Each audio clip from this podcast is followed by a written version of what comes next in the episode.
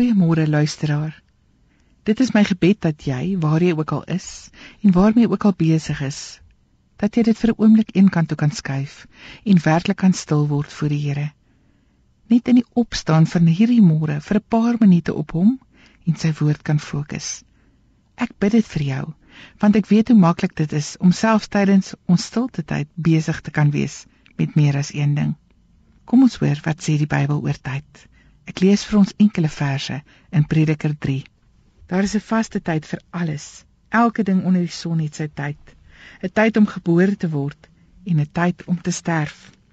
'n Tyd om te huil en 'n tyd om te lag. 'n Tyd om te treur en 'n tyd om van vreugde te dans. 'n Tyd om lief te hê en 'n tyd om te haat.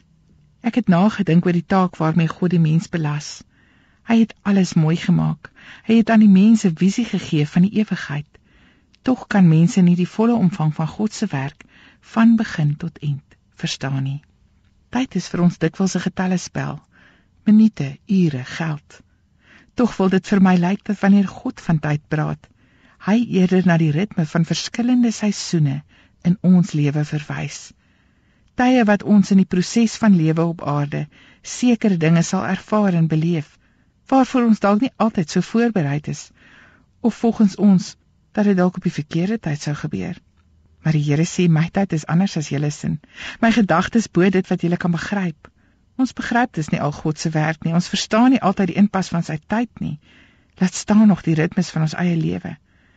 Tog kan en mag ons nie daaroor vasval in een seisoen van lewe nie. Ons moet saam beweeg. Saam deel jy aan en in die lewe wat God vandag ja op hierdie oomblik aan jou skenk.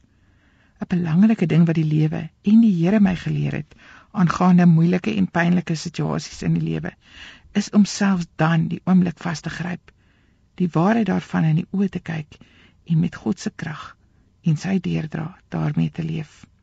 Ja ons moet mekaar aanmoedig om baie meer volledig en bewustelik in die oomblik van nou te leef.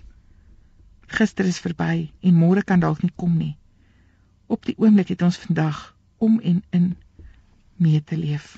Ons omhels die geskenk van lewe wat God aan ons gee God is vir altyd. Hy is ook altyd in beheer van die tyd en die seisoene. Hy is ook betrokke in die ritme van jou lewe. Vertrou jou lewe, selfs elke oomblik aan die Here toe en spring dan weg in jou dag met volle konsentrasie op dit wat op hierdie oomblik gebeur. Carpe diem, blik die dag. Doen dit nou. Dankie Here dat die hemelse tye nie met 'n skedule werk nie. Dankie dat U altyd daar is. Dankie dat U altyd dieselfde is al verander alles in ons lewe. Ons wy ons lewe en ons tyd nou aan U toe. Amen.